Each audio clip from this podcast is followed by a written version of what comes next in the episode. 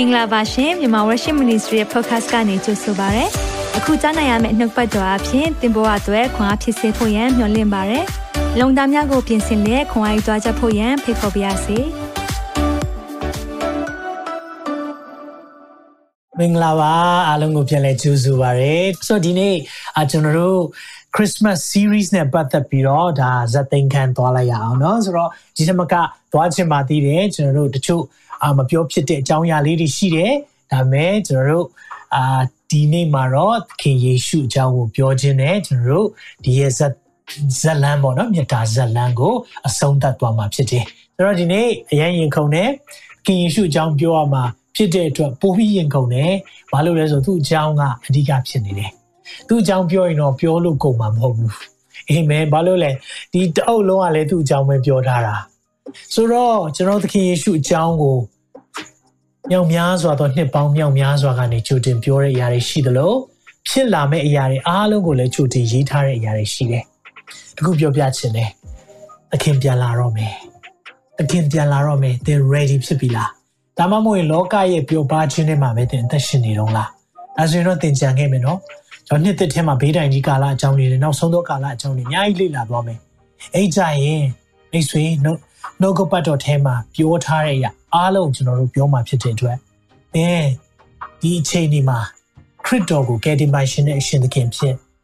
လက်ခံခြင်းမရှိထားဘူးဆိုရင်တော့တင်းအတွက်စိုးရိမ်ရလိမ့်မယ်။တင်းကြုံရမယ့်အရာဟာတစ်ခါမှမဖြစ်ဘူးတဲ့ကဘာမှတစ်ခါမှမဖြစ်ဘူးတဲ့ဆင်းရဲဒုက္ခချင်းအဲမှာတင်းရောက်သွားလိမ့်မယ်။ဒါကြောင့်တင်းအတွက်စိုးရိမ်နေ။ဒါကြောင့်ဒီနေ့မှာလည်းကျွန်တော်နှုတ်ပတ်တော်ဟောတဲ့ခါမှာသေချာနားထောင်ပေးပါ။ သင်ရဲ့တသက်မှာဘုရားရှင်ကချစ်လွန်းလို့ဒီနှုတ်ပတ်တော်တွေကြားစီတာဖြစ်တယ်။သင်ဒီအရာကို YouTube ကနေပြန်ကြည့်မယ်။ဒီနေရာကနေပြန်ကြည့်မယ်ဆိုရင်လည်းသင်ကိုဘုရားသိချစ်တဲ့အတွက်ကြောင့်မလို့သင်ဒီနှုတ်ပတ်တော်ကြည်တာတိုက်ဆိုင်မှုလုံးဝမဟုတ်ဘူး။သင်ကိုဘုရားသိတယ်။သင်ရဲ့ခြေခွဲမှုတွေဘုရားသိတယ်။သင်ရဲ့ဘဝမှာဘာလို့လို့ဘာခံရမှန်းမသိတော့ရအောင်ဖြစ်နေတဲ့အရာတွေဘုရားသိတယ်။ဒါမဲ့သူသင်ကိုသိချစ်တယ်။ဒါကြောင့်မလို့လဲသူကလောကထဲမှာလာပြီးတော့အသေးခံခဲ့တာဖြစ်တယ် သင်ရဲ့အဖြစ်ကျွန်တော်ရဲ့အဖြစ်တွေဖြစ်တယ်။ဒါကြောင့်ဒီညညမှာသခင်ယေရှုရဲ့အကြောင်းပြောပြီးတော့ကျွန်တော်တို့အပိုင်း9ပိုင်းမြောက်ဟောတော့မှာဖြစ်တယ်။ရောက်စီတိုင်း ready ဖြစ်ပြီးလို့ထင်ပါတယ်နော်။ဟုတ်ပြီကျွန်တော်တို့တွေနှုတ်ကပတ်တော်သွားရအောင်။နှုတ်ပတ်တော်ကျွန်တော်ပြင်ဆင်ထားပါတယ်ဒီနေ့လည်းကျွန်တော်တို့အထူးစိတ်လှုပ်ရှားပါတယ်။ဒါကြောင့်ဝန်ခံနေကြနှုတ်ပတ်တော်နဲ့ဝန်ခံရအောင်။နှုတ်ကပတ်တော်ဒီကျွန်တော်ခြေရှိမှာမိခွက်ဖြစ်၍ကျွန်တော်လမ်းကြီးကို လင်းစေပါတစ်ခါတော့ထပ်မံဝန်ခံရအောင်နှုတ်ကပတ်တော်သည်အကျွန်ုပ်ချီရှိမှမိခွက်ဖြစ်၍အကျွန်ုပ်လမ်းခီကိုလင်းစေပါ၏အာမင်ဒီနေ့နှုတ်ပတ်တော်အဖြစ်သင်လန်းလင်းမယ်သင်ဘာလုပ်ရမလဲဆိုတာကိုဘုရားဖွင့်ပြမယ်နေ့ကျွန်တော်အများကြီးမပြောတော့ဘူးမိတ်ဆွေကိုသိချစ်တဲ့သခင်အကြောင်းပြောပြမယ်အဲ့ဒီသခင်ကတော့သခင်ယေရှုဘုရားဖြစ်တယ်ဒီနေ့တခါမှမကြားဘူးသေးဘူးဆိုရင်တော့သင်ကြီးဆိုင်နားထောင်ပေးပါသင်ကြားဘူးပြီဆိုရင်လည်းမိခွန်းမေးချင်ပါတယ်ဘာကြောင့်သခင်လာခဲ့တာလဲ တီးရာတီးဖို့ဖြစ်တယ်ဒီနေ့ကျွန်တော်တို့အဲ့ဒီမိခွန်းကိုကျွန်တော်တို့ဆွေးနွေးသွားမှာဖြစ်တယ်ဘာကြောင့်မို့လို့သခင်ဖျားလူလောကထဲမှာလူဇာတိလူအနေနဲ့ဘာကြောင့်ဖျားကလူဖြစ်ဖို့ရန်အတွက်လာခဲ့တာလဲဒါတိတ်အရေးကြီးတဲ့မိခွန်းဖြစ်တယ်ဒါမေးတဲ့မိခွန်းလည်းဖြစ်တယ်ဘာကြောင့်လဲဆိုတော့သခင်ယေရှုရှိတယ်တော့မွေးဖွားခဲ့တယ်ရှိခဲ့တယ်ဆိုတာညင်းလို့မရအော င်။အားကြောင့်လဲဆိုကျွန်တော်တို့အခုချိန်မှာ2020ဆိုတာခရစ်နှစ်လို့ခေါ်တယ်။ the year of the Lord ခရစ်နှစ်။အဲကြောင့်ခရစ်နှစ်လို့ပြောကြတဲ့ကခရစ်တော်မရှိခဲ့ဘူးဆိုရင်တော့ခရစ်နှစ်ဆိုတာလည်းသတ်မှတ်စရာအကြောင်းမရှိဘူး။ဒီနေ့ခရစ်နှစ်လို့သတ်မှတ်ထားတာကိုကဘာကြောင့်လဲဆိုတော့ခရစ်တော်ရှိခဲ့လို့ဖြစ်တယ်။နော်။အဲကြောင့်ခရစ်တော်ဟာဒီနေ့လည်းရှိနေစေဖြစ်တယ်။အသက်ရှင်တာဖြစ်တယ်။အဲကြောင့်မိတ်ဆွေကို သခင်ယေရှုရဲ့အကြောင်းကိုပြောပြခြင်းနဲ့ခဏလောက်စက္ကန့်အနိုင်ရအောင်အသက်ရှင်သောထာဝရမြတ်စွာဘုရားနာမတော်ကိုအထူးပဲချီးမွမ်းပါတယ်ဒီနေ့မှာကိုရရဲ့ပို့ဆောင်ခြင်းလမ်းပြခြင်းအတွက်အထူးပဲကျေးဇူးတင်ပါတယ်ဒီနေ့ညနှုတ်ပတ်တော်ကိုလက်ဝင်နိုင်အပ်နေပါတယ်ကျွန်တော်ပြင်ဆင်ထားတာတဲ့ကိုရရဲ့မေတ္တာနဲ့ကိုရဗိတ်သိက်ခြင်းကိုလူတွေခံစားပါစေစမြအားလုံးနဲ့အတူကြည့်ရှုနေကြတဲ့နှလုံးသားတွေသူများရဲ့နှလုံးသားအသီးတွေကိုကောင်းချီးပေးပါ၏အဖာနှလုံးသားထဲမှာကိုရောကိုယ်တိုင် ဒီနေ့မွေးဖွားပါလုံသားတွေသူတို့ပြင်ဆင်ထားပါတယ်ကောင်းသောမြေမှာကြားတဲ့မျိုးစေ့ကဲ့သို့ဒီနှုတ်ပတ်တော်ဒီလေအပင်ပေါက်ပါမြေကြောင်းဝိညာဉ်တော်ဖျားစာမပါကျွန်တော်နှုတ်ဆက်ရှာနဲ့အတူပြင်ဆင်ထားတဲ့အရာအလုံးကိုကိုရောလက်ဝင်နဲ့အနံပါတယ်အနောက်ရှက်ပေးမဲ့ဝိညာဉ်ဆိုးရဲ့လုပ်ရဲ့အလုံးကိုနာဇရမသားယေရှုနာမနဲ့ချီနှောင်ဖယ်ရှားတယ်အလိုတော်ဒီကောင်းကင်ဘုံမှာပြည့်စုံခဲ့တဲ့မြေကြီးပေါ်မှာပြည့်စုံပါစေဒီနေ့ကြည့်ရှုတဲ့သူများပေါ်မှာပြည့်စုံပါစေ တက်တာအချိန်နဲ့အားလုံးကိုလက်ဝင်နဲ့အနံတဲ့ခါမှာတပါးဒီယောသားရမြေယေရှုနာမ၌ဆုတောင်းဆက်ခဲ့ပါ၏ပါအာမင်အာမင်အာမင်ဟုတ်ပြီဆိုဒီနေ့ညမှာပြောမယ့်အကြောင်းအရာဒီအပြစ်မှာကယ်ချွမိသူเนาะယေရှုကျွန်တော်တို့အပိုင်း1နဲ့3 4 5 6လွတ်သွားတယ်ဆို YouTube မှာပြန်ကြည့်လို့ရတယ်ကျွန်တော်တို့မေရိုမာရီအကြောင်းလေးလာခဲ့တယ်ဇာခရီအကြောင်းလေးလာခဲ့တယ်ယောသတ်အကြောင်းလေးလာခဲ့တယ်နှစ်ချင်းစရာယောဟန်အကြောင်းလေးလာခဲ့တယ် မာကုပညာရှိများအကြောင်းလေ့လာခဲ့တယ်။နောက်ပြီးရင် hero မင်းကြီးအကြောင်းလေ့လာခဲ့ပြီးတော့ဒီနေ့မှာတော့နောက်ဆုံးအပိုင်းဖြစ်တဲ့ယေရှုယေရှုဆိုတာပါလေ။ယေရှုကျွန်တော်ယေရှုလို့ကြားဖို့တယ်နော်။ဆိုတော့ Yeshua ဂျူးလို့ဆိုရင်တော့ Yeshua Yeshua နော်။ဒါပေမဲ့ဒီ Latin ကနေ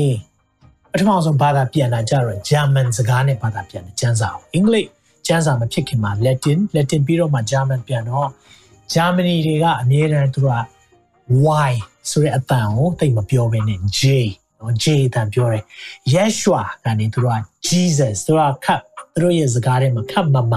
ပါတဲ့အတန် Jesus လို့သုံးတဲ့အခါမှာအဲ့ဒီကနေကျွန်တော်တို့အင်္ဂလိပ်လို့ဆိုရင်တော့ Jesus ဒါပေမဲ့ Hebrew လို့ဆိုရင်တော့ Yeshua Yeshua နော်ပြောကြည့်အောင် Yeshua နော် Yeshua Yeshua HaMashiach လို့ခေါ်တယ်။ ယေရှုမေရှိယယေရှုလို့အဓိပ္ပာယ်ရတယ်။တော့ဘာအဓိပ္ပာယ်လဲမေရှိယယေရှုဆိုတာပါလေเนาะဒါတွေကိုကျွန်တော်လေ့လာသွားရအောင်။ဆိုတော့ဒီမှာဘာတွေ့ရမလဲဆိုရင်ပထမအဆုံးနှုတ်ကပတ်တော်ဖတ်ချင်တယ်အဲ့ဒါကတော့မဿဲခရစ်ဝင်ကျမ်းခန်းကြီး1ထဲမှာပဲယေရှုဆိုတဲ့အဓိပ္ပာယ်ကိုပြောထားတယ်။အဲ့တော့နာမည်တိုင်းမှာအဓိပ္ပာယ်ရှိတယ်။အဲကြောင့်မလို့ကျွန်တော်တို့ဒီနေ့မှာလေဒီယေရှုဆိုတဲ့နာမည်တိတ်အရေးကြီးတယ်။အပြစ်မှကယ်ချွတ်မိသူဖြစ်သောကြောင့် ယေရှုဟူသောအမည်နဲ့မဲ့ရမယ်တဲ့။နော်ဆိုတော့ကလေးနာမည်မဲ့ပြီဆိုရင်ဒါအတော်တော်များများသိတယ်နော်။ဘာနာမည်ပေးရမလဲ။အာကျွန်တော်တို့အာလူမျိုးတွေเนาะတိုင်းသားလူမျိုးတွေထဲမှာဆိုရင်ပို့ပြီးတော့တော့ရှုပ်ထွေးတယ်เนาะဆိုတော့တားကြီးဆိုရင်အဖေဖက်ကအမျိုးယူရမယ်တားငယ်ဆိုရင်အမေဖက်ကเนาะသမီးကြီးဆိုရင်အဖေဖက်ကစသဖြင့်ကျွန်တော်တို့ဆိုရင်နည်းနည်းဒီຢာနဲ့ပတ်သက်ပြီးတော့เนาะနာမည်ဆိုရင်ဘယ်လိုပေးရမယ်ဆိုတာအာเนาะဆိုတော့နာမည်နဲ့ပတ်သက်ပြီးတော့သဘောတူညီမှုဆိုတာနည်းနည်းခက်ခဲတယ် ဒါပေမဲ့အော်ဘုသိကောင်းတာလားယေရှုဆိုတဲ့အမည်ကိုတော့မေရိုမာရီကိုလည်းကောင်းကင်မှာပြောပြီးပြီယေရှုလို့ပဲမှတ်ရမယ်ယောသကိုလည်းအိမ်မက်နဲ့စကားပြောတယ်ယေရှုလို့မှတ်ရမယ်။ဘာကြောင့်လဲမိမိလူတို့ကို အပြစ်မှာကယ်ချွတ်မိသူဖြစ်တယ်။ဒါဟိုအရင်ဆုံးနားလည်ဖို့လိုတယ်နော်။ဟုတ်ပြီ။ဆိုတော့ယေရှုဆိုတဲ့အတိတ်ပဲကိုသိသွားပြီ။အပြစ်ကကယ်ချွတ်မယ်။ဒါဆိုရင်ကျွန်တော်တို့ကလောကကအပြစ်ရှိတဲ့နေရာလား။မှန်တယ်။ လောကသားတွေကျွန်တော်တို့တွေလောကမှာအာဒမ်နော်အာဒမ်နဲ့အေဝအာဒမ်အာဒမ်လို့မြန်မာလိုပြောတယ်အဒမ်အဒမ်ဆိုတဲ့အဓိပ္ပာယ်ကနာမည်အဓိပ္ပာယ်ရှိပါတယ်အဲ့ဒီအဒမ်အာဒမ်ရဲ့အဓိပ္ပာယ်ဒီ humanity လူသားမျိုးနွယ်စုဆိုတဲ့အဓိပ္ပာယ်ဖြစ်တယ်ဆိုတော့ကျွန်တော်တို့ကထင်တတ်တယ်အာဒမ်ကြောင့်ဖြစ်တာငါကြောင့်မဟုတ်အာဒမ်မဟုတ်ဘူးအာဒမ်လို့ပြောကြတဲ့ကလူသား အားလုံးနဲ့ဆိုင်တယ်လူသားဆိုတဲ့အဓိပ္ပာယ်ဖြစ်တယ်เนาะအဲကြောင့်မလို့လူသားကအပြစ်ရှိတဲ့အတွက်ကြောင့်မလို့သခင်ကလာခဲ့တာဖြစ်တယ်။နောက်ဆိုတော့ကျွန်တော်တို့ကစဉ်းစားတယ်။ဘာကြောင့်လူသားတွေအပြစ်ရှိတာလဲ။ဖျားစကားနားမထောင်ခြင်းကြောင့်ပြစ်ဖြစ်တယ်။ဖျားကဥယျာဉ်အေဒင်ဥယျာဉ်ဆိုတဲ့အရာကိုဖန်ဆင်းပြီးတော့အဲ့ဒီထဲမှာစားလို့ရတဲ့အသီးပေါင်းတန်းနဲ့ချီပြီးထားတာပေးတယ်။အဲ့ဒီထဲမှာဥယျာဉ်အလယ်မှာအပင်နှစ်ပင်ရှိတယ်။အသက်ပင်နဲ့ ကောင်းမကောင်းသိကြွရပင်ဆိုပြီးတော့နှစ်ပင်ရှိတယ်။အဲ့ဒီမှာအဲ့နှစ်ပင်ထဲမှာတော့မကောင်းမကောင်းတိကျွမ်းရအပင်ကိုမစားပါနဲ့လို့ဘုရားထားတယ်။အဲဆိုဘုရားတပ်ပင်နူးလာညံတော့ရှင်းလား။ဟုတ်တယ်အရာအလုံးသိလားသိတယ်။ဒါဆိုရင်ဘာကြောင့်မလို့ဒီဟာကိုထားထားတာလေ။ဒီအပင်ကြီးကိုဖယ်ထားလိုက်ရင်လူသားတွေကအပြစ်မဖြစ်တော့ဘူးလေ။မိခွန်းတွေမေးကြတယ်။ဘုရားကဒါကြိုသိရင်ဘာကြောင့်မလို့ အဲ့ဒီအပင်ကိုထားတာလေလူငယ်တွေဆိုပို့ပြီးသိကျင်တယ်ဒီမိခွန်းနဲ့ပတ်သက်ပြီးတော့ကျွန်တော်လည်းသိကျင်ခဲ့တယ်တကယ်တော့ဖခင်ကကျွန်တော်တို့ကိုအဲ့အပင်ထားတာကရွေးချယ်မှု free will ကျွန်တော်တို့လွတ်လပ်စွာရွေးချယ်ပိုင်ခွင့်ဆိုတဲ့လူသားတွေကိုပေးထားတဲ့အခွင့်အရေးတူရှိတယ်ဒါကြောင့်မလို့ကျွန်တော်တို့ကအရာအားလုံးကိုရွေးချယ်ခွင့်ရှိတယ်။အဲ့လိုရွေးချယ်ခွင့်ရှိတဲ့အတွက်ကြောင့်မလို့ကျွန်တော်တို့ကမာယွန်းတဲ့အရာကိုသွားရွေးမိပါတယ်။နော်တကယ်တော့ဘုရားကကျွန်တော်တို့ကိုအကောင်းဆုံးသော အရာတစ်ခုပေးခဲ့တာအဲ့ဒါရွေးချယ်ခွင့်အဲဆိုရင်ဖခင်ကဒီအရာဖြစ်ပြီးတော့မှဟာသွားပြီးလူသားတွေအပြည့်ဖြစ်သွားပြီငါတို့တွေကယ်မရတော့မယ်ခမဲတော်သားတော်ဝိညာဉ်တော်အားလုံးတိုင်ပင်မရမယ်ဆိုပြီးတော့ပြင်ဆင်တာလားလုံးဝမဟုတ်ဘူးအစကတည်းကရှိပြီးသားသူတို့တွေမဟာအကြံစီနောက်မဟာကေရင်ချင်းအကြံစီထဲမှာပါပါလဲဆိုတော့အဲ့ဒီရဲ့ နော်ခရစ်တော်ရဲ့အသေးခံခြင်းကပါပြီးသားဖြစ်တယ်။ဒါကြောင့်မလို့ကျမ်းစာထဲမှာအနာဂတ်ကျမ်းဆိုတဲ့အရာကိုကျွန်တော်တွေ့ရလိမ့်မယ်။အနာဂတ်ကျမ်းဆိုတာနောက်ဖြစ်မဲ့အကြောင်းအရာတွေကြိုတင်ပြီးရေးထားတာ။အဲ့ဒီအနာဂတ်ကျမ်းထဲမှာသခင်ယေရှုနဲ့ပတ်သက်ပြီးရေးထားတာယာကနန်းရှိတယ်။နော်ကျွန်တော်တို့ကျွန်တော်ဒီအကြောင်းကိုပြောမလားဆိုပြီးတော့နည်းနည်းစဉ်းစားမိသေးတယ်။ဒါပေမဲ့သခင်ယေရှုရဲ့ prophecy ဆိုတဲ့ကြိုတင်ဟောကိန်းကိုပြောမယ်ဆိုရင်တော့အချိန်အများကြီးကြာသွားလိမ့်မယ်။နောက်ပိုင်းကျမှကျွန်တော်တို့အချိန်ရရင်ပြောပြမယ်။ ဒါပေမဲ့အဲ့ဒီထဲမှာဘယ်မှာမွေးမလဲအတိအကျပြောထားတယ်။နော်ပြီးရင်ဘယ်အမျိုးကလာမလဲအတိအကျပြောထားတယ်။ဘယ်မြို့မှာကြီးပြင်းမလဲအတိအကျပြောထားတယ်။နောက်ပြီးကြရင်သူကဘလူမျိုးသေမလဲအတိအကျပြောထားတယ်။ဒီအရာတွေကိုနှစ်ပေါင်းရာနဲ့ချီပြီးကြိုပြောတာတိုက်ဆိုင်မှုလုံးဝမဟုတ်ဘူး။ဖခင်ကကြိုတင်ပြီးတော့စီစဉ်ထားပြီးသားဖြစ်တယ်မေတ္တာဇလံကြီးအဲ့ဒီမေတ္တာဇလံထဲမှာသင်တဲ့ကျွန်တော်လည်း ပါဝင်နေတယ်အဲ့ဒီမေတ္တာဇလံထဲမှာဒီနေ့အဓိကဇက်ကောင်ဖြစ်တဲ့သခင်ယေရှုအကြောင်းပြောပြမယ်နော်ဆိုတော့သခင်ယေရှုလာတဲ့ရည်ရွယ်ချက်ကိုကျွန်တော်သိဖို့လိုတယ်ဘာကြောင့်မလို့လာတယ်လဲဒီအရာနဲ့ပတ်သက်ပြီးတော့ဒီနေ့ဆွေးနွေးသွားရအောင်ဟုတ်ပြီဆိုတော့ကျွန်တော်ဒီထဲမှာရှင်ယောဟန်ခရစ်ဝင်ကျမ်းခန်းကြီး1ထဲကအကြောင်းအရာလေးကိုပြောပြချင်တယ်ဒါလေးနဲ့ကျွန်တော်တို့ဒီနေ့ဆွေးနွေးသွားရအောင် ယောဟန်1အငယ်14ကနေကျွန်တော်ဖတ်ပါမယ်နှုတ်ကပတ်တော်ဒီလေနှုတ်ကပတ်တော်ဒီလေအဲ့ဒီနှုတ်ကပတ်တော်လို့ပြောတာဒီသခင်ယေရှုဖျားကိုပြောတာဖြစ်တယ်အစဦး၌နှုတ်ကပတ်တော်ရှိနှုတ်ကပတ်တော်ဒီဖျားသခင်နဲ့အတူရှိနှုတ်ကပတ်တော်ဒီလေဖျားသခင်ဖြစ်တော်မူ၏เนาะဒါအစကတည်းကရှိပြီးသားနှုတ်ပတ်တော်อ่ะဒါကြောင့်မလို့သခင်ယေရှုကဖန်ဆင်းခံမဟုတ်ဘူးเนาะ ဒါကိုသိစေချင်တယ်ယေရှုဆိုတာဖန်ဆင်းခံဖန်ဆင်းခံအများကြီးနှစ်ကိုခွဲတဲ့အဖွဲ့တွေလည်းရှိတယ်လုံးဝမဟုတ်ပါဘူးနှုတ်ကပတ်တော်ဆိုတဲ့အရာရှိပြီးသားဖြစ်တယ်လူစားတိခံတယ်ဆိုတာကလူအနေနဲ့ကျွန်တော်တို့လူမျိုးလူအနေနဲ့ဖြစ်လာခြင်းကိုပြောတာဖြစ်တယ်။အဲကြောင့်မလို့အစဦး၌နှုတ်ကပတ်တော်ရှိတယ်။နော်အဲဒီနှုတ်ကပတ်တော်လူစားတိခံတယ်ဆိုတာလူကဲ့သို့ပဲဖြစ်လာတယ်ကျွန်တော်တို့လိုပဲနော်လူဖြစ်လာတဲ့အခါမှာ အဲ့ဒီမှာကျွန်တော်ဒီနေ့မှာဆွေးနွေးခြင်းတဲ့နှစ်ပိုင်းရှိပါတယ်အဲ့ဒါပါလဲဆိုတော့ဂျေဇုတော်နဲ့၎င်းပြောကြည့်ပါတစ္ဆာတော်နဲ့၎င်းပြောကြည့်ပါပြည့်စုံလျက်ငါတို့တွင်တည်နေတော်မူသည်ဂျေဇုတော်နဲ့သစ္စာတော်ဆိုတာကိုပြောပြခြင်းတယ်။သခင်ယေရှုကိုမြင်တွေ့ရင်နှစ်ခုမြင်ရတယ်။ဂျေဇုတော်နဲ့သစ္စာတော်။သခင်ယေရှုကိုကြည့်လိုက်တဲ့အခါမှာနှစ်ခုမြင်ရတယ်။ဂျေဇုတော်နဲ့သစ္စာတော်။ဂျေဇုတော်နဲ့သစ္စာတော်။လူစားတိခံတဲ့အကြောင်းရင်းကဒီနေ့မှာကျွန်တော်ပြောပြခြင်းတယ် ဂျေဇုတော်နဲ့တစ္ဆာတော်ပြဖို့လာတာအဲကြောင့်လူဘာကြောင့်မလို့သခင်ယေရှုလူလောကလာခဲ့လဲဂျေဇုတော်နဲ့တစ္ဆာတော်ပြခြင်းလို့နော်ဂျေဇုတော်နဲ့တစ္ဆာတော်ကျွန်တော်တို့ဘာလဲဆိုတော့ဒီနေ့ဆွေးနွေးသွားရအောင်ဒီအကြောင်းသိမပြောကြအောင်နော်ဘယ်လင်မျိုးမှာမွေးတယ်မေရောမာရီယာမွေးတယ်ခင်ယေရှုရဲ့မွေးပွားတဲ့အကြောင်းပြောပေမဲ့တော်တော်များများလိလူရှုသွားတာကျွန်တော်တို့မပြောမိတဲ့အရာလေးကသခင်ယေရှုဘာကြောင့်လာလဲဂျေဇုတော်နဲ့တစ္ဆာတော်ပြခြင်းလို့ဖြစ်တယ် ဒါကြောင့်ဒီနေ့မှာအဲ့ဒီဂျေဇုတော်နဲ့တစ္ဆာတော်ဆိုတာဘာလဲလေ့လာသွားရအောင်နော်ဆိုတော့ဆက်ပြီးတော့ကြည်အောင်ခမဲတော်၌တပါးတိသောသားတော်ဤဘုံကဲ့သို့သူဤဘုံတော်ကိုငါတို့သည်မြင်ရကြပြီယောဟန်ဒီထို့ကြောင့်ထိုသခင်အကြောင်းကိုတက်တည်ခံ၍ကြွေးကြော်သည်ကငါနောက်ကြွလာတော်သူသည်အဲ့မှာကျွန်တော်နောက်လိုက်ဆိုပါငါမရှိမီရှိနေသည်ဖြစ်၍ငါမရှိမီရှိနေသည်ဖြစ်၍တဲ့ကြည့်အောင်ယောဟန် तू က လူသားအနေနဲ့ပဲပြောမယ်ဆိုရင်တော့ယောဟန်ကသခင်ယေရှုတက်6လကြီးတယ်သူတို့ကခါစင်တော်တယ်နော်မေရိုမာရီနဲ့ယောဟန်ရဲ့မိခင်အေလိရှဘက်ကခါစင်တော်တဲ့အတွက်သူတို့ကဒီလေဝင်းခွဲညီကိုတွေဖြစ်တယ်ဆိုတော့ယောဟန်ကအရင်မွေးတာမွေးပြီး6လနေကြမှာမေရိုမာရီစီမှာဝိညာဉ်တော်ဆင်းသက်ပြီးတော့ဝိညာဉ်တော်အားဖြင့်သခင်ယေရှုမွေးတာဆိုတော့လူအနေနဲ့ကြည့်ရင်ဘယ်သူကြည့်လဲရှင်ယောဟန်ကြည့်တယ် ဒါပေမဲ့အဲ့ဒီရှင်ယောဟန်ကသခင်ယေရှုအကြောင်းပြောတော့ဘယ်လိုပြောလဲငါနောက်ကြွလာတော့သူဆိုတာငါနောက်မှလာမဲ့တယောက်သူဘသူကိုပြောတာအဲ့ဒါယေရှုကိုပြောတာငါနောက်မှာကြွလာမယ်တယောက်ကတဲ့ငါမရှိမီရှိနေတယ်တဲ့ငါမရှိခင်ကလေးကရှိတယ်တဲ့ဘာကိုပြောချင်တာလဲဖျားဖြစ်ခြင်းကိုပြောတာသခင်ယေရှုရဲ့လူဖြစ်ခြင်းနဲ့ဖျားဖြစ်ခြင်းကိုခွဲခြားပြီးတော့ကျွန်တော်တို့နားလည်ဖို့လေးလိုတယ်ဆိုတော့ငါနောက်မှလာမဲ့သူဆိုတာကြတော့ သခင်ယေရှုကိုပြောတာဖြစ်ပြီးတော့ငါမရှိမီရှိတယ်ဆိုတာကဘာအဆက်ဆက်ရှိနေတဲ့သူဖျားဖြစ်တယ်ဆိုတာဝန်ခံထားတာအာမင်ဒါလေးကိုကျွန်တော်တွေ့တဲ့အခါမှာဒီနေ့မှလေအရင်အော်တယ်ဟာတခါမှဒါလေးတွေမတွေ့ဘူးခဲ့ဘူးသခင်ယေရှုကငါနောက်မှလာမယ်ဒါပေမဲ့ငါမဖြစ်မီကလေးကဖြစ်တာနှုတ်ကပတ်တော်အစကလေးကရှိပြီးသားဖျား ကဘာမတီမရှိမီကလေးကရှိတဲ့ဖန်ဆင်းရှင်ဖျားဖြစ်တယ်ဆိုတော့ရှင်ယောဟန်ကဒီနေရာမှာရေးသားထားတာဖြစ်တယ်ဆက်ပြီးတော့ကြည့်အောင်ငါထက်တာ၍ကြီးမြတ်သည်ဟုငါဆိုရတွင် ထိုးသူကိုဆိုလိုသည်ဟုတတ်သိခံတယ်ငါထက်ကြီးတယ်ငါထက်ကြီးမြတ်တဲ့သူဖြစ်တယ်ပြောတယ်အဲဒီမှာထိုသူ၏ပြည်စုံခြင်းမှလည်းဂျေဇုတော်တပါး၌ထပ်ဆင့်၍ဂျေဇုတော်တပါးကိုငါတို့ရှိသမျှသည်ခံရကြပြီ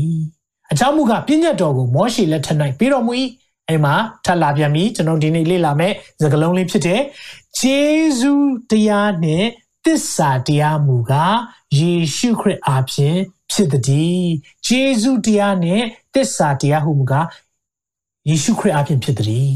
ဖျားသခင်ကိုအဘယ်သူမျှမမြင်စဘူးတော်လဲဘသူမှဖျားကိုမမြင်ဘူးဘူးခမဲတော်ရင်ခွင်၌ရှိတော်ဘာသီတော်သားတော်သည်ဖျားသခင်ကိုထင်ရှား စီတော်မူပြီမိတ်ဆွေဒီနေ့ဖះအောင်မြင်မှုခြင်းလားဖះအောင်မြင်မှုခြင်းလားသခင်ယေရှုကိုကြည်လိုက်ပါ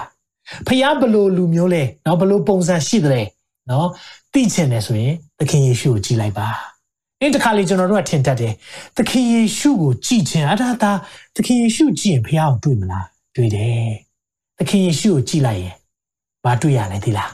နှိမ်ချခြင်းကိုတွေ့ရတယ်ဒါဖះမှာရှိတဲ့အရာကြီးမြတ်ခြင်းနဲ့တကိုးရှိခြင်းလည်းတွေ့ရလား တွေ့ရတယ်ချစ်ခြင်းမြတ်တာကိုတွေ့ရလားတွေ့ရတယ်ဒီနေ့ဘာသာတော်တော်များများဖျားဆိုတဲ့အရာတိတ်မြင့်မြတ်လွန်းလို့ကျွန်တော်တို့တွေဘလို့မှဖျားဆိုတဲ့အရာကိုတွေ့နိုင်မှာမဟုတ်ဘူးဖျားနဲ့ကျွန်တော်တို့ကြားထဲမှာ relationship ဆိုတဲ့ဆက်ဆံရေးထားလို့မရဘူးလို့ဘာသာတိုင်းကခံယူတယ်အဲကြောင့်မို့၅ချိန်ဆူတောင်းတဲ့ဖွဲ့တွေရှိတယ်ဒီနေ့မှာ။ ဘာကြောင့်လဲဒီလိုဆုတောင်းမှဖျားစိတ်ကျဉ်တ်မယ်။ဖျားစိတ်ကျဉ်တ်ဖို့လှုပ်ပေးနေရတယ်။ဖျားစိတ်ကျဉ်တ်ဖို့ကြိုးစားနေရတယ်။ကောင်းမှုကုသိုလ်လုပ်ရတယ်အလှူဒန်းလုပ်ရတယ်။ဘာကြောင့်လဲ။အော်ကန်ကန်ကြီးအကျိုးငါတို့ကောင်းတာမလုပ်ဘူးဆိုရင်နောက်ဘဝမှာနောက်ဘဝမှာနောက်ဘဝမှာဘာဖြစ်မယ်နောက်ဘဝမှာဘာဖြစ်မယ်ဒါရခဲလာတဲ့လူဘဝမှာစသဖြင့်ကျွန်တော်တို့ပြောကြတယ်။ဘာကြောင့်လဲသိလား။ဖျားဆိုတဲ့အရာကိုလေကျွန်တော်တို့ပုံမဖော်တတ်ဘူး။ ပုံဖော်လိုက်ရင်ကျွန်တော်တို့ရဲ့အုံနောက်ညံနဲ့တုံးတဲ့ခါမှာဖရာတိတ်မြင့်မြတ်ပြီးကျွန်တော်တို့ကတိတ်သေးသိမ့်နေဒီကျွန်တော်ခွာပေးခြင်းတယ်ဒီနေ့ဖရာဆိုတာဘယ်သူလဲသိချင်လားသခင်ယေရှုကိုကြည်လိုက်ပါအဲ့ဒါကကျွန်တော်တို့ဖရာဘယ်သူလဲဆိုတာကိုပြတယ်အဲကြောင့်ဒီနေ့လေ့လာရအောင်ဂျေဇုတော်နဲ့တစ္ဆာတော်ပြမယ်ဂျေဇုတော်နဲ့တစ္ဆာတော်ပြမယ်ဆိုတော့ဒီအပိုင်းအရေးကြီးတယ်ဆိုတာကိုကျွန်တော်ပြောပြချင်တယ်ဒါကြောင့်သားတော်ကိုမမြင်ရ သားတော်သည်တဲ့ကောလောသဲ1:15မှာဗာပြောလဲဆိုတော့သားတော်သည်မမြင်ရသောဘုရားသခင်ပုံသဏ္ဍာန်တော်ဖြစ်ပြီးဖန်ဆင်းတော်မူသောအရာတို့တွင်သားဦးဖြစ်တော်မူ၏ဟာလေလုယာသားတော်ဆိုတာဘာတူလဲဆိုတာမမြင်ရတဲ့ဘုရားရဲ့ပုံရိပ်ဖြစ်တယ်ဒီမှာတစ်ချက်လေး နားလည်အောင်ရှင်းရှင်းစေချင်တယ်ဖန်ဆင်းတဲ့အရာမှာသားဦးဖြစ်တယ်လို့ပြောတာဖန်ဆင်းခံတယ်လို့ပြောတာမဟုတ်ဘူး first born of all creation လို့ပြောတာသူ့အားဖြင့်ဖြစ်ပွားတာသခင်ယေရှုအားဖြင့်ဖြစ်ပွားတာကိုပြောချင်တာနော်သခင်ယေရှုအနေနဲ့ဖြစ်ပွားတာကိုပြောချင်တာဖြစ်တယ်ဒါကြောင့်တချို့ကဒါကိုကြည့်ပြီးတော့သခင်ယေရှုကဘုရားမဟုတ်ဘူးသူကိုယ်တိုင်ဖန်ဆင်းခံတယ်အဲ့လိုပြောတာမဟုတ်ဘူး ထားမြောက်တဲ့သူတွေထဲမှာလူသားအနေနဲ့တည်သွားတယ်သို့တော့အဲ့ဒီထားမြောက်တဲ့သူတွေထဲမှာအူသည်အူသည်ပထမအဆုံးရှင်ပြန်ထားမြောက်တော်သူဖြစ်တယ်ဆိုတာကိုပြောချင်တာဒီနေ့ဒါကြောင့်မလို့နော်ဖန်ဆင်းတဲ့အရာတွေထဲမှာတာဦး the first born of all creation လို့ပြောတာဖန်ဆင်းခြင်း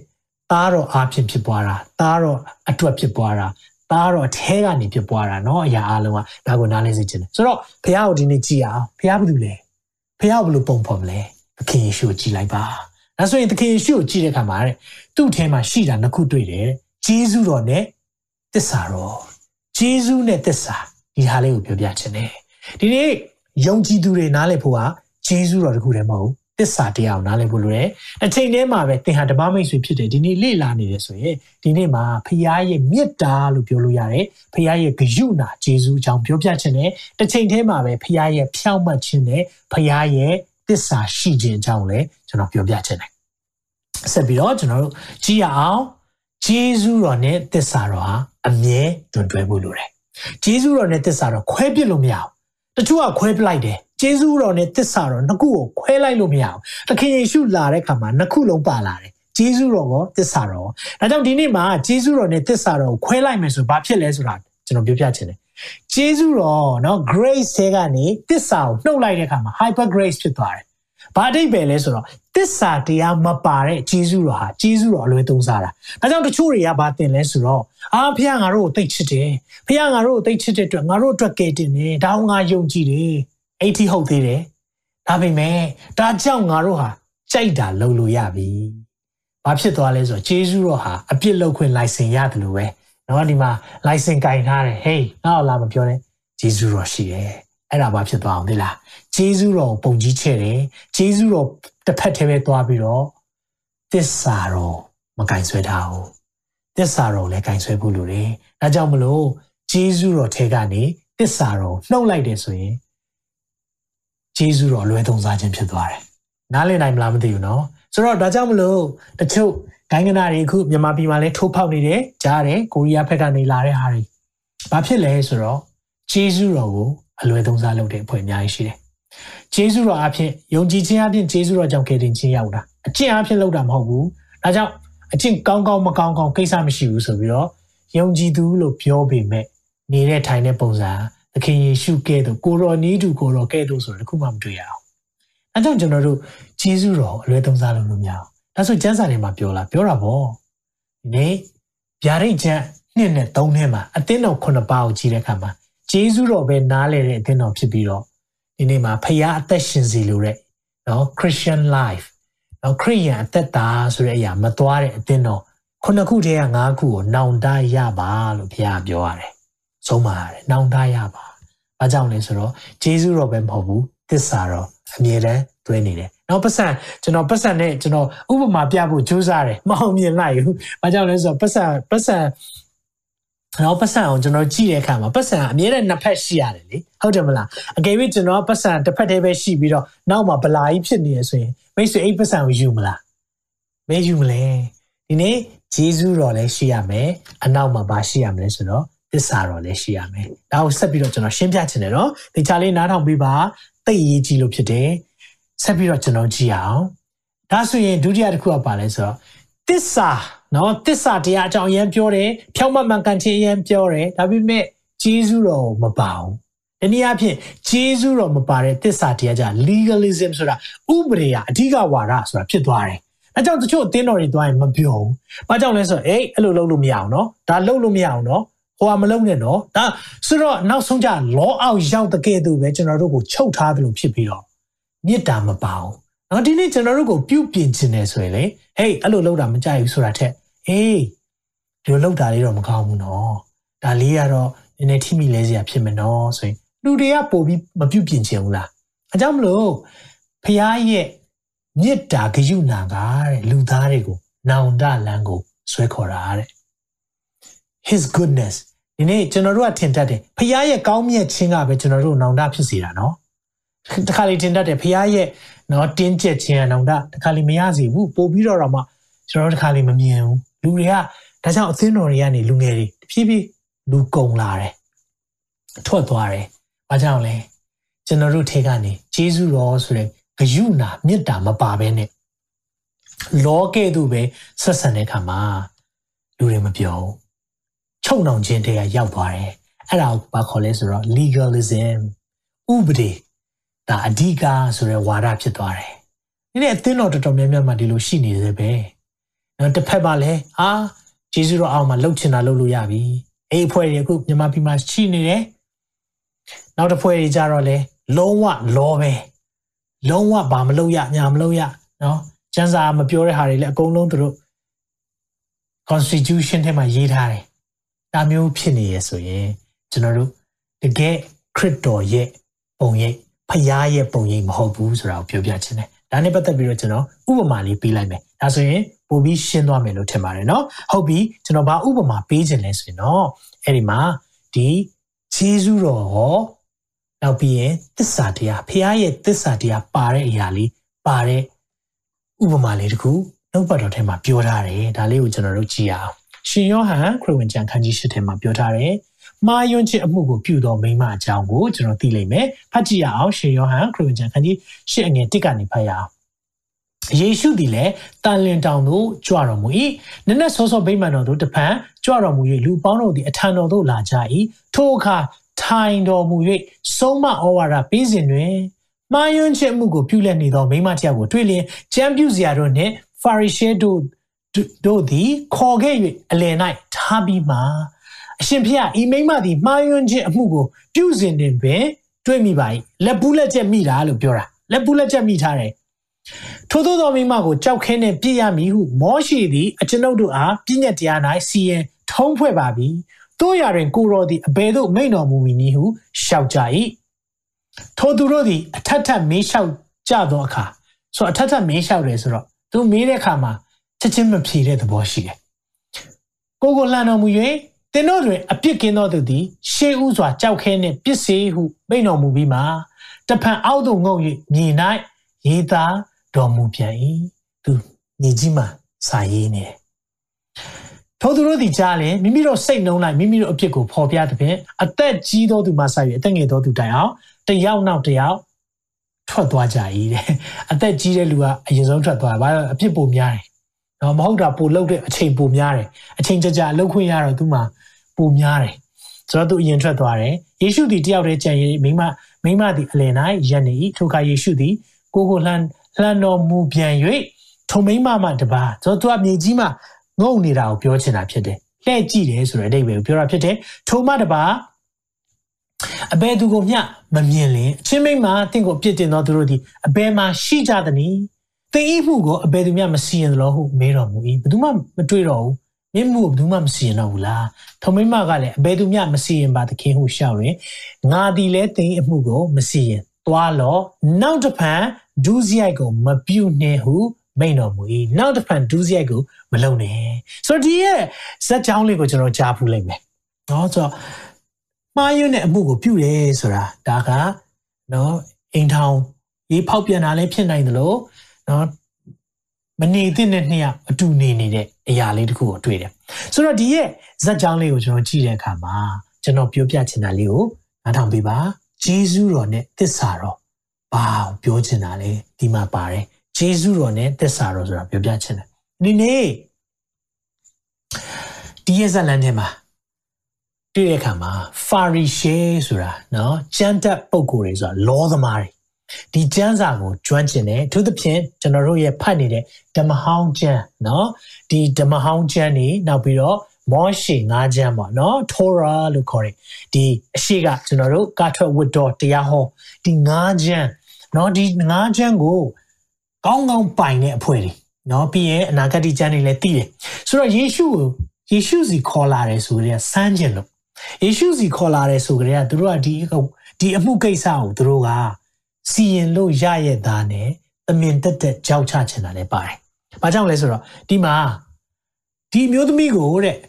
မှားယွန်းသောအပြုအမှုပြုတဲ့အချိန်မှာပဲမိတယ်။အဘလို့လို့မိတာလဲ။အဲဟုတ်ပြီမိတယ်ထားအောင်။ဒါဆိုရင်ဘာလို့မိန်းကလေးပဲခေါ်လာတာလဲ။ဟိုယောက်ျားပဲရောက်သွားလဲ။မှားယွန်းသောအမှုဆိုတယောက်တည်းလုပ်လို့မှမရတာ။ဟုတ်တယ်နော်။မှားယွန်းသောအမှုကိုပြုနေတဲ့အချိန်မှာပဲဆိုပြီးတော့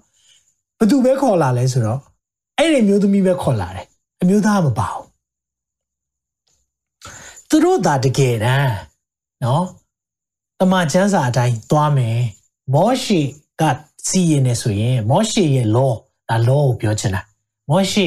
law ထဲမှာပြောတဲ့အရာရှိတယ်။နောက်မျိုးသမီးတွေဒီလိုမျိုးမှားယွင်းနေတယ်ဆိုရင်ဂဲနဲ့ပေါက်တတ်လို့ရတယ်။ဆိုတော့သူတို့သာတကယ်တမ်း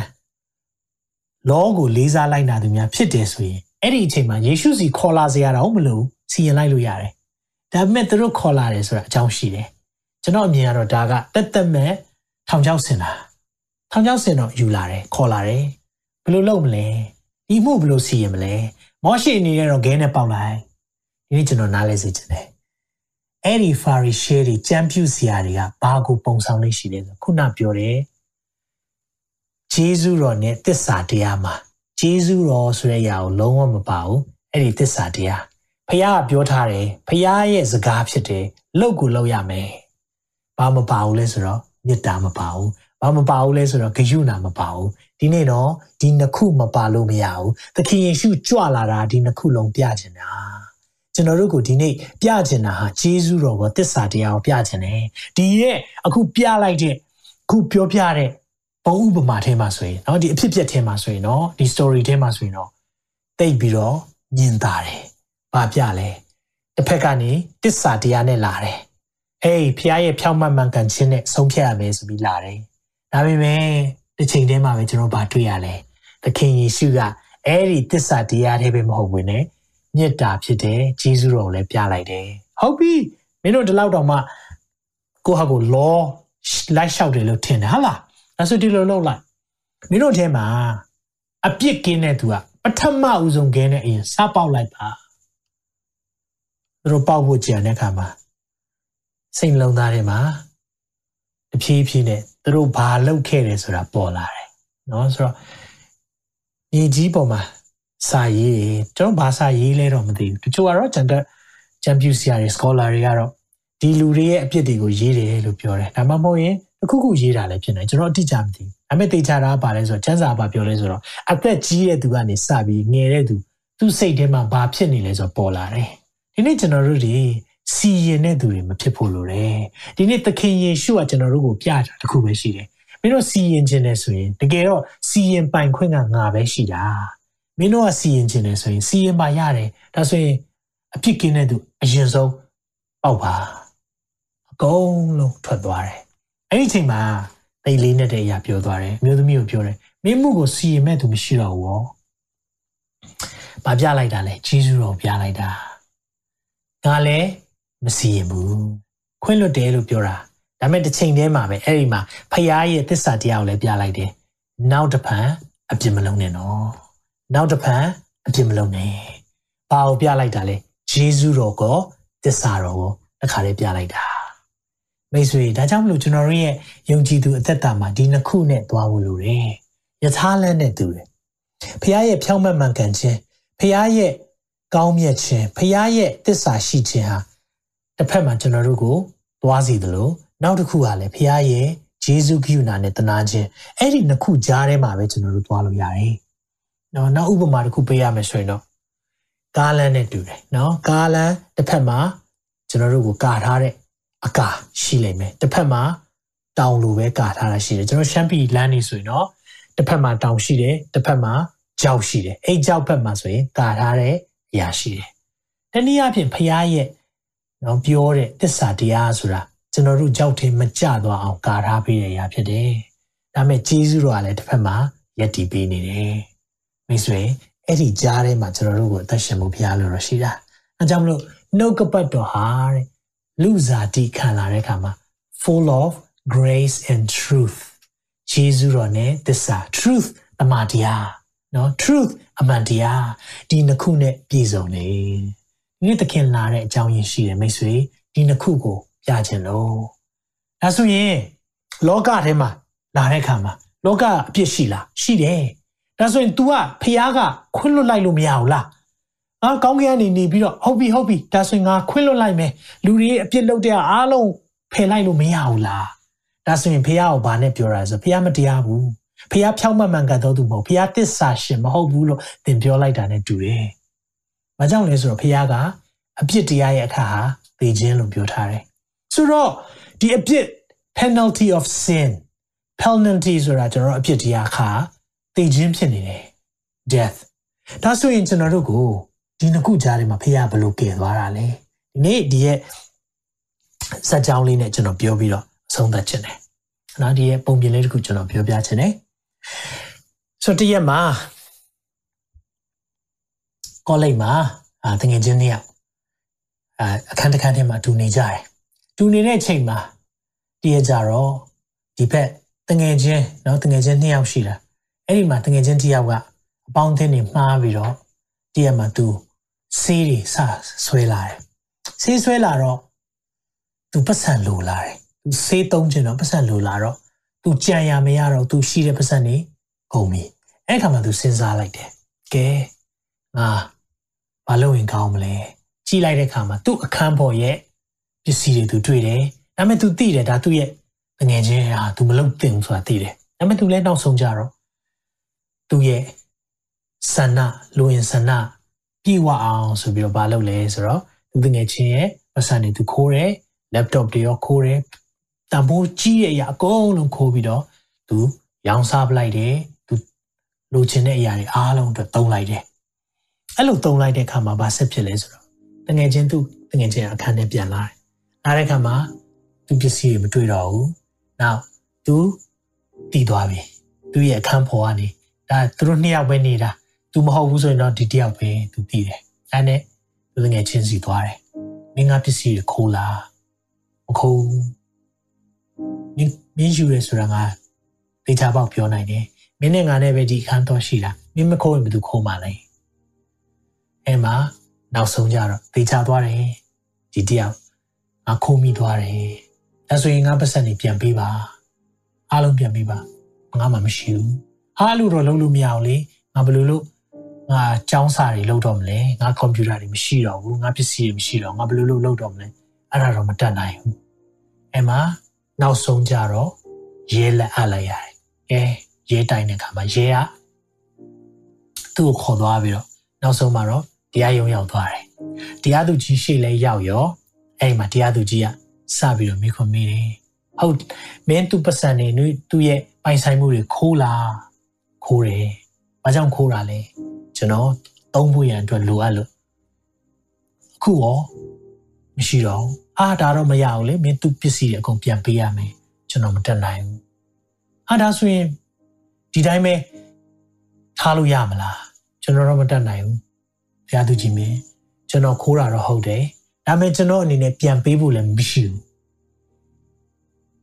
အဲ့အချိန်မှာတရားသူကြီးကစဉ်းစားတယ်ဟုတ်ပြီဒီအချိန်မှာသူလှုပ်လို့ရတာရှိတယ်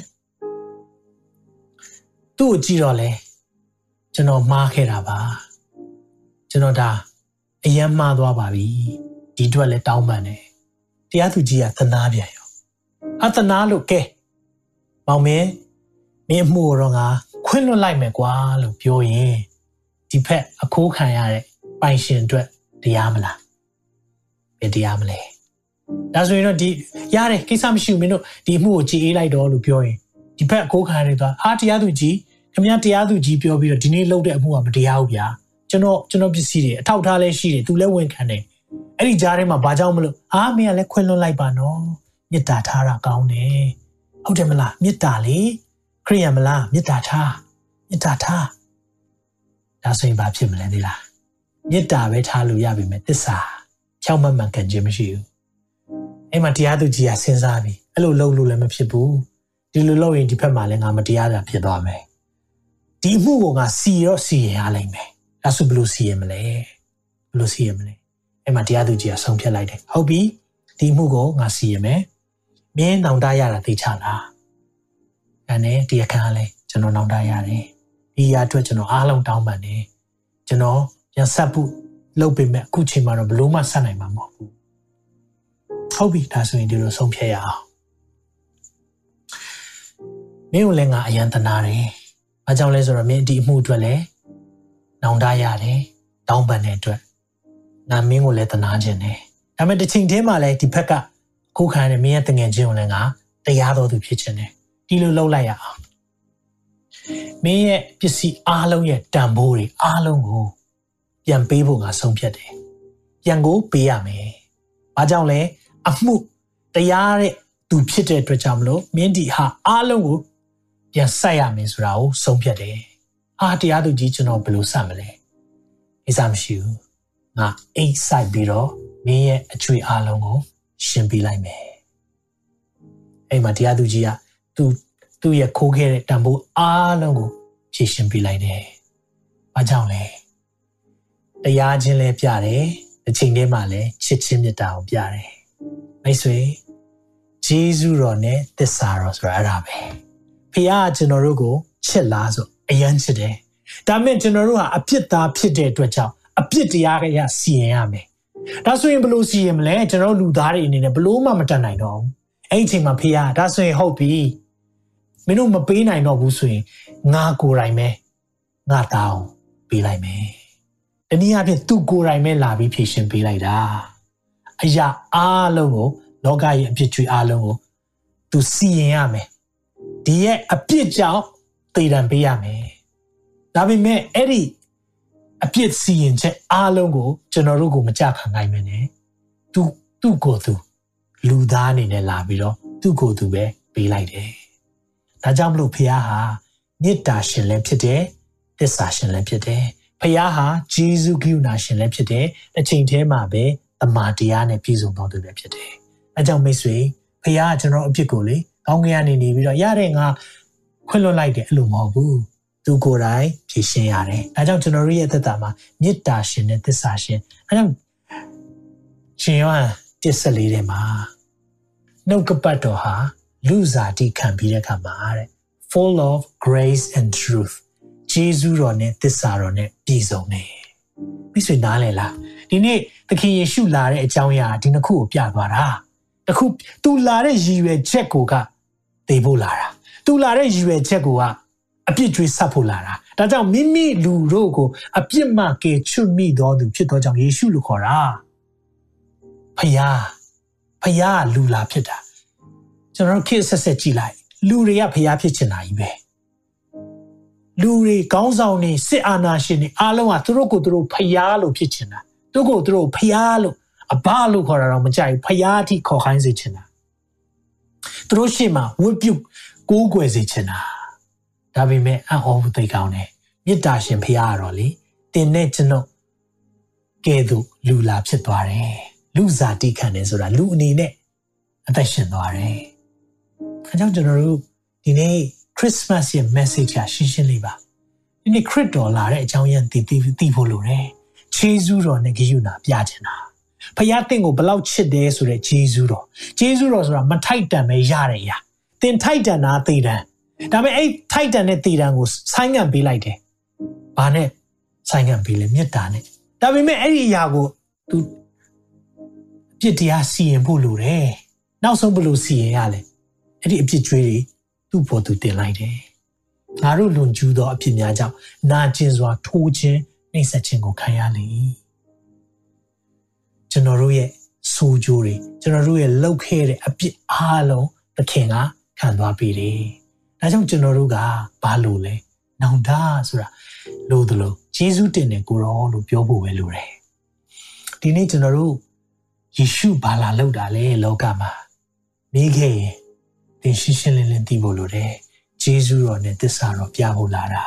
။အဲကြောင့်မလို့ယေရှုလာတဲ့ရွယ်ချက်ကလက်ဝါးကားတိုင်းပေါ်တက်ဖို့လာတာ။ For God so loved the world ယော36 For God so loved the world ကဘာလောကကြီးကိုချစ်တယ်။ပါတော့မိမိ၌တပါးတည်သောသားတော်စွန့်တော်မူသည့်တိုင်အောင်ဆိုလောကကိုပေးလိုက်တာလောကီသားတွေကိုချစ်တယ်။အဲ့လောက်ထိဖခင်ချစ်တာလောကကိုယေရှုလာတဲ့ရည်ရွယ်ချက်ကအဖြစ်ကနေခဲ့ဖို့ကားတိုင်းပေါ်တက်မယ်။ကြည်အောင်စဉ်းစားကြည့်အောင် တင်လောကမှာထားလာတဲ့ရွေချက်ပါလဲလောကမှာတင်အသက်ရှင်တဲ့ရွေချက်ပါလဲတချို့ကတထေးဖြစ်ဖို့တချို့ကပညာတတ်ဖြစ်ဖို့တချို့ကအမျိုးမျိုးကြိုးစားကြမယ်လောကမှာအသက်ရှင်တာဒါပေမဲ့သခင်ယေရှုလာတဲ့ရွေချက်သိဖို့လာတာလက်ဝါးကားတိုင်းတက်ဖို့လာတာဘာကြောင့်လဲဖခင်ရဲ့ဂျေဇုတော်နဲ့တစ္ဆာတော်ပြခြင်းတယ်ဖခင်ဘလောက်ထိချစ်လဲတင့်ကိုပြတာလေလက်ဝါးကားတိုင်းမှာပြတယ်ပုံလေးပုံလေးရှိပါတယ် cross equal love cross ပုံလေးရှိတယ် equal love အကြောင်းလဲ cross equal love ဒီနေ့လဝါကားတိုင်းဆိုတာတင့်ကိုချစ်ချင်းမြတ်တာပြတဲ့နေရာဖြစ်တယ်လဝါကားတိုင်းဆိုတာတင်းနဲ့ကျွန်တော်ကိုဖះဘလောက်ချစ်တယ်လဲဆိုတာပြတဲ့နေရာဖြစ်တယ်ဂျေဇုတော်နဲ့သစ္စာတော်ဂျေဇုတော်နဲ့သစ္စာတော်တနေရာထဲမှာပြတယ်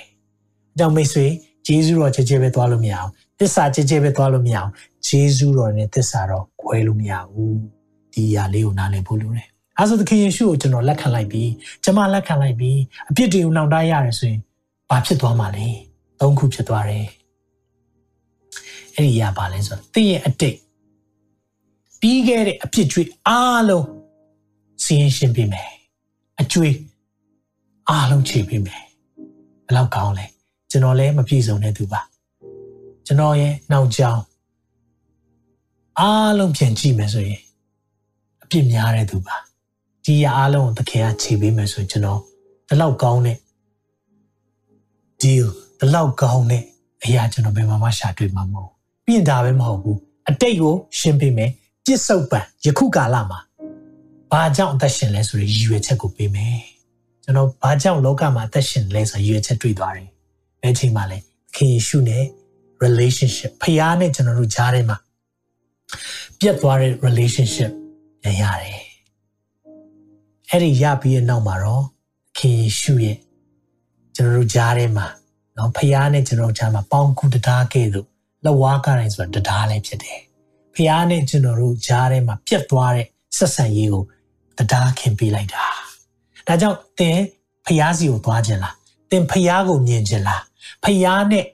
အဆက်အသွယ်ရှိခြင်းလားဖခင်နဲ့ relationship ဆိုတဲ့ဆက်ဆံရေးရခြင်းလားတခြားနည်းလမ်းသွားလို့မရဘူး လက်ဝါးကားတိုင်းကနေပဲသွားလို့ရတယ်အဲ့ဒီလက်ဝါးကားတိုင်းကသခင်ယေရှုဖြစ်တယ်အဲကြောင့်သင်ရဲ့ပြစ္ဆုတ်ပံယခုကာလမှာဘဝရည်ချက်သိခြင်းသခင်ယေရှုကိုလက်ခံပါဒါပဲလားမဟုတ်ဘူးနောင်တမလွန်အတွက်အာမခံချက်ရှိတယ်ဟာလေလုယာဒီနေ့ကျွန်တော်သိသွားရင်ကျွန်တော်ဘယ်သွားမလဲသိတယ်ကျွန်တော်ဝိညာဉ်နောက်ဘဝမှာခွေးဖြစ်မယ်ကြောင်ဖြစ်မယ်လုံးဝမဟုတ်ဘူးကျွန်တော်ဝိညာဉ်နောက်ဘဝမှာဘာဖြစ်မလဲနောက်ဘဝမှာကျွန်တော်ဟာဖခင်နဲ့အတူတူကကောင်းကင်နိုင်ငံမှာစိုးစံခွင့်ရှိတယ် တရားမှတရားယုံကြည်တယ်။ဘာကြောင့်လဲ။သခင်ယေရှုပြုတဲ့အရာအဖြစ်ဖြစ်တယ်။ဟာလေလုယာ။အကြောင်းမိတ်ဆွေရဲ့ဘဝကိုလည်းဒီနေ့မှဒီနေ့စိန်ခေါ်ခြင်းတယ်။သင်သခင်ယေရှုကိုလက်ခံပြီးပြီလား။သခင်ယေရှုလောကမှာလာတဲ့ရည်ရွယ်ချက်တင်ပြီးပြီလား။ဂျေဇုတော်နဲ့သစ္စာတော်ပြခြင်းတယ်။အဲ့ဒီဂျေဇုတော်နဲ့သစ္စာတော်သင်ရထားပြီလား။မရသေးဘူးဆိုရင်ကျွန်တော်ဒီနေ့မှဆုတောင်းပေးခြင်းတယ်။သင်ရဲ့သက်တာကိုသခင်လက်ဝင်လိုက်ဒီနေ့မှအနံ့လို့ရတယ်။အ ချိန်မနှောင်းသေးဘူးဒီ message ကိုသင်ကြားရင်အချိန်မနှောင်းသေးဘူးဖခင်သင်ကိုသိချစ်တယ်ဖခင်သင်ကိုသိချစ်လို့ဒီအကြောင်းအရာကိုကြားစေတာဖြစ်တယ်အကြောင်းမိတ်ဆွေကျွန်တော်ဆုတောင်းပေးခြင်းနဲ့သင်ရဲ့သက်တာမှာကျွန်တော်ဖခင်ရဲ့ဂျေဇုတော်နဲ့သစ္စာတော်ကိုဒီနေ့မှာလက်ခံခြင်းနဲ့မြင်ခြင်းနဲ့နားလည်ခြင်းနဲ့ဆိုရင်ကျွန်တော်ဆုတောင်းပေးပါရစေဟာလေလုယာခဏလောက်မျက်စိမိတ်ထားပါဟာလေလုယာကျွန်တော်နောက်ကနေ အားလုံးတူတူကယေရှုဖြစ်၍လိုက်ပြီးဆုတောင်းစေခြင်းနဲ့သခင်ယေရှုဖေဟာကျွန်ုပ်ဟာအဖြစ်သားဖြစ်ပါတယ်ဒီနေ့ညမှာသခင်ယေရှုရဲ့လောကကိုလာတဲ့ရည်ရွယ်ချက်ကိုသိရှိသွားပါပြီဂျေဇုတော်နဲ့သစ္စာတော်နှစ်ခုလုံးပြဖို့အတွက်ဖြစ်တယ်ကျွန်ုပ်ရဲ့ကောင်းမှုကုသိုလ်နဲ့ ကောင်းရမရောက်နိုင်ကြောင်းကိုနားလည်သွားပါပြီကျွန်ုပ်ကိုစားဖះကိုယ်တိုင်ကအပြစ်ကြွေးဆက်ပေးကြောင်းကိုလည်းနားလည်သွားပါပြီဒါကြောင့်မလို့ဒီညမှာကျွန်ုပ်ရဲ့အပြစ်အားလုံးအတွက်ဝင်ချတောင်းပန်ပါတယ်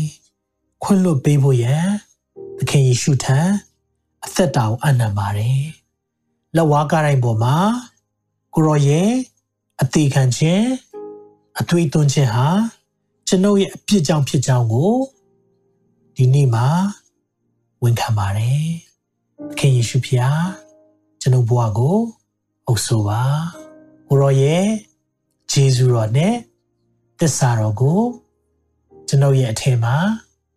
ကြည်စေပါ။သခင်ယေရှုနာမ၌ဆုတောင်းပါ၏။အာမင်။အာမင်။အာမင်။ ဖျာရှင်သိကောင်းမြတ်တယ်ဟာလေလုယာ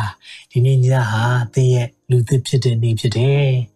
သင်ရဲ့အသက်တာမှာဖခင်ဘလောက်ချစ်လဲငါတို့အပြစ်ရှိစေပင်ခရစ်တော်ဒီငါတို့အတွက်ကြောင့်သေခံတယ်ဒီနေ့သင်ကောင်းလို့လို့နှုတ်ပတ်တော်တွေနားထောင်လာလို့သင်ကိုချစ်တာမဟုတ်ဘူးသင်အပြစ်သားဖြစ်ကြတဲ့ကသင်ကိုချစ်တယ်ဒီမြတ်တာဘယ်ဘာသာမှမရှာလို့မရဘူးဖခင်ကလူကိုချစ်တယ်ဆိုတဲ့အရာဘယ်ဘာသာမှမတွေ့နိုင်ဒီနေ့ Christianity ခရစ်တော်နဲ့ ရှိခြင်းပါပဲကျွန်တော်တို့ဒီအရာကိုတွေ့နိုင်တယ်။အဲကြောင့်မလို့မိတ်ဆွေကိုခွာပေးခြင်းနဲ့မိကုများရှိရဆိုရင်လည်းကျွန်တော်တို့ကိုဆက်သွယ်ပါ။နောက်ကပတ်တော့တမန်ကျမ်းစာကိုအများအားဖတ်ကြားဖို့ရန်အတွက်လည်းဒီနေရာကနေတိုက်တွန်းပါတယ်။ကျွန်တော်တို့အာနှုတ်ကပတ်တော်ဝင်မြခြင်းစီစဉ်ကဒီမှာပဲပြီးဆုံးပါပြီဒီရန်အတွက်လည်းအားလုံးကို Merry Christmas ပါလို့နှုတ်ဆက်ပါရစေအားလုံး God bless you all တင်ခုလိုနာဆင်ခွန်အားနိုင်ခြင်းဟာမြန်မာ Worship Ministry ကိုလာဆင်ပန်ပိုးနေကြတဲ့ Kingdom Partners များအကြောင်းဖြစ်ပါတယ်။ဖျားခင်နိုင်ငံတော်ကျယ်ပြန့်ရေးအတွက်လာဆင်ပေးကမ်းပောင်းဖို့ရန်ဖိတ်ခေါ်လိုပါတယ်ရှင်